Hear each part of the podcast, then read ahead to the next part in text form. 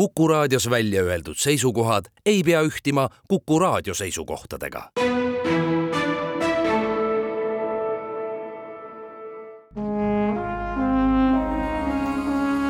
Vanemuise veerand. tere kõigile teile, head Kuku raadio kuulajad. täna on saates külas hotell Pallas teatristipendiumi laureaat Hannes Kaljujärv. tervist! tere! mina olen saatejuht Tiia Rööp. seekordne hotell Pallas teatristipendium kuulutati välja pärast äh, Neil Simoni komöödia Päikesepoisid esietendust. Te olite kahekesi koos Aivar Tomingaga laval ja kas sellel hetkel, kui sa laval seisid, kas sa aimasid, mis juhtuma hakkab? ma ei aimanud, aga mul oli kuidagi see vigur sees või eh, ei olnud, no et etendus oli küll lõppenud, aga ma olin ikka veel laine peal. Ja kui nad eh, tulid eh, andma hotell Pallase stipendiumit ja siis ma spontaanselt astusin sealt rivist ette, teadmata, et ma saan selle. ma mõtlesin, et ma teen nalja, aga see nali osutus tõeks, ma tõesti ei teadnud. Ma ei tea, kas sa tahad mulle vastu vaielda, aga Päikesepoisid on kahe mehe tükk oma olemuselt. ikka, ikka kas lavastajal oli rollide jaotus kohe algusest peale paigas, see, et sina oled see torisevam pool ja Aivar Tomingas on malbem pool?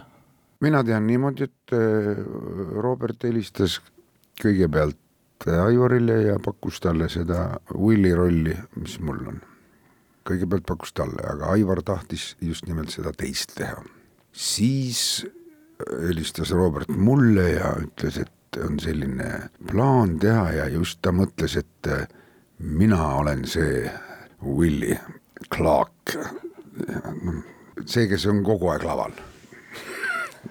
ma ei teadnud, et ta alguses Aivarile pakkus. ei noh, see tuli välja muidugi, Aivar ütles, et see pakkus talle ja, ja alguses ma mõtlesin, et Aivarile sobiks see Willie Clark rohkem. et äh, ma võiks olla see, kes tuleb. praegu ma olen selle valikuga, kuidas see on osutunud selliseks, ma olen sellega väga rahul. ja Aivar põhjendas selle ära, et tema on flegmaatilisem, ma olen närvilisem ja tormakam ja mis vastab tõele. Aivar Tomingas tuli Vanemuise teatrisse vast aastapäevad varem kui sina, umbes nii? jah. aga aga mina olin, mina olin seal Vanemuise sees, ma olin Ermaküla stuudios ja ma nii-öelda ootasin teda seal juba koos olete olnud Vanemuises hea mitu aastat. jah see on, varsti saab juba noh, nelikümmend kolm aastat, see on päris pikk aeg. oletan, et selle aja jooksul on olnud väga palju selliseid lavastusi, kus te olete mõlemad osatäitjad. võib-olla isegi on sellised, kus te olete teineteise dublandid olnud? on olnud, on olnud, me dubleerisime, alguses me dubleerisime Minu veetlev leedi Alfred Doolitlit. no kerge oli Higins ja, ja siis Vilimäe lavastus siis äh, hakkas äh, Aivar tegema Higinsit ja mina jäin Tuulitiks, aga äh, seda me dubleerisime, samamoodi olen ma üle võtnud tema rolli laudalüürikas kunagi. me oleme dubleerinud ja ma olen mänginud ka tema rolle, on, on juhtunud nii. kas selles lavastuste reas on mõni enda jaoks eredam ka? minul on hästi meeles üks lastelavastus, kus te kahekesi laval olite me ei olnud seal ainult kahekesi, seal oli keelpillik kvartett oli äärtes, see oli väikesõnu saaga, mida toetas elav muusika ja minul on see ka väga meeles. see oli, see oli Finn Paulseni esimene lavastus Vanemuises ja, ja me tegime seda, valmistasime ette Uppsalas, mis tol ajal oli see kuidagi eriti selline teistmoodi ja mängisime seda siis siin ja natukene ka Uppsalas ja käisime kuskil isegi festivalidel ja see, see etendus on vägagi meeles. see oli teistmoodi lasteteater, kus lastega räägiti kuidagi teisiti, see oli erakordselt südamlik. see on meeles ja siis on noh, jah, Paplit tuules on ikka ka meeles, seal olime mitte kahekesi, vaid kolmekesi, seal oli Jüri Lumistega, kolm vanameest nii-öelda, see oli lähiminevikus, Uku Uusbergi lavastus aga küllap neid on, on veel olnud meie eesmärk ei olegi täna kõiki Just. neid meelde tuletada. tahaks hüpata teise teema peale. Mihkel Muti kirjutatud suurepärane raamat Mati Hundist on andnud väga palju kõneainet. liblikas, kes lendas liiga lähedale, on selle raamatu pealkiri. see on, see on üliäge raamat, ülinauditav, ülikerge lugeda, Mutt on sellega teinud ikka üüratu töö.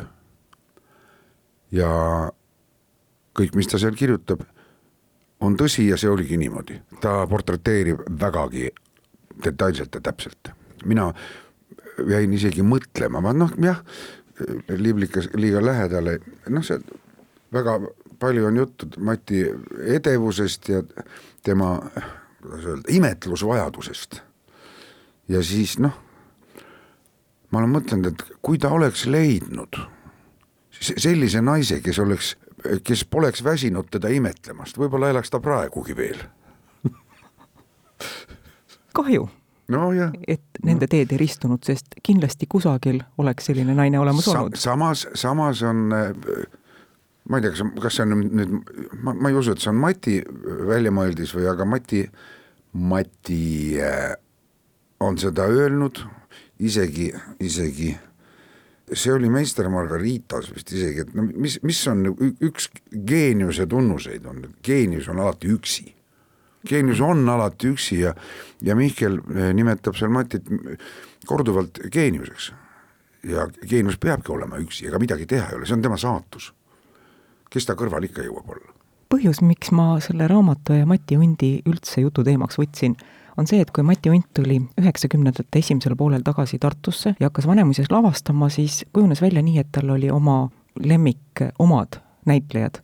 üks nendest äh, olid sina, üks oli Jüri Lumiste kuni ühe konfliktini, pärast mida ta enam Mati solvus hingepõhjani mm. -hmm. ja, ja kolmas kindlasti Kersti Heinloo. Liina Almaru ka? jah muidugi. no eh, teatud ajani, kui ta ära läks jah ja, ja, ja niimoodi muidugi.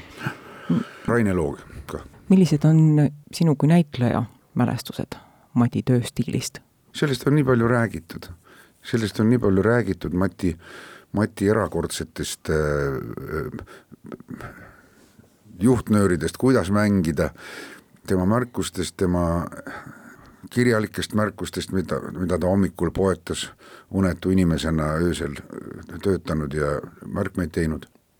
selle kohta on ilusti öelnud äh, Liina Olmaru, ma tsiteerin teda, et temal on elus olnud kolm õpetajat. Jaan Tooming, kelle käsitluses on teater vaata et religioon. Elmo Nüganen, kes õpetas talle tehnikat, et näitlemine on ka tehnika, ja Mati Unt, kellel oli teater Lust ja lillepidu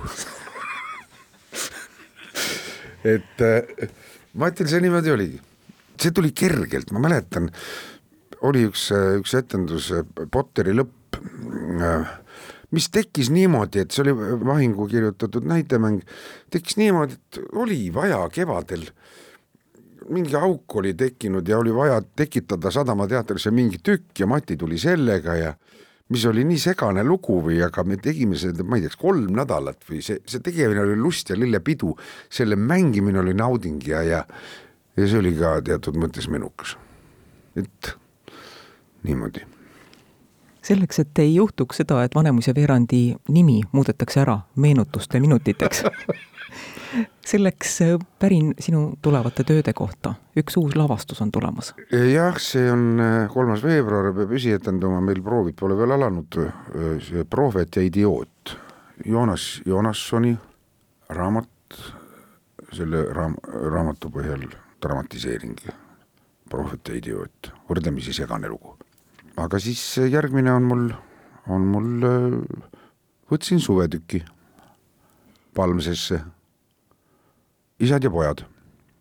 seesama produktsioon, Martti Meumers ja Hannes Soosaar, kes tegid Minul on vari, kaks suve menukalt mängiti, nüüd tuleb Isad ja pojad, see pole Turgenev, see on, jälle kirjutab Ott Kilusk ja ja, ja lavastab Kalli Viidas, siis on seal isad-pojad Kaljujärved, isad-pojad Taalmad ja vanaisana on Egon Nutter. selline suvetükk. põnev näitlejate kooslus. jah, see võib kujuneda väga huvitavaks. Need on äh, lähemad tööd. aitäh, Hannes Kaljujärv, et sa leidsid selle aja. see aeg möödus lennates praegu. aga siis Juba... venitame pikemaks. ei venita, formaat on formaat ju aitäh sulle, et sa aitäh. saatesse külla tulid. aitäh. aitäh kõigile kuulajatele jälle kuulmiseni. Vanemuise veerand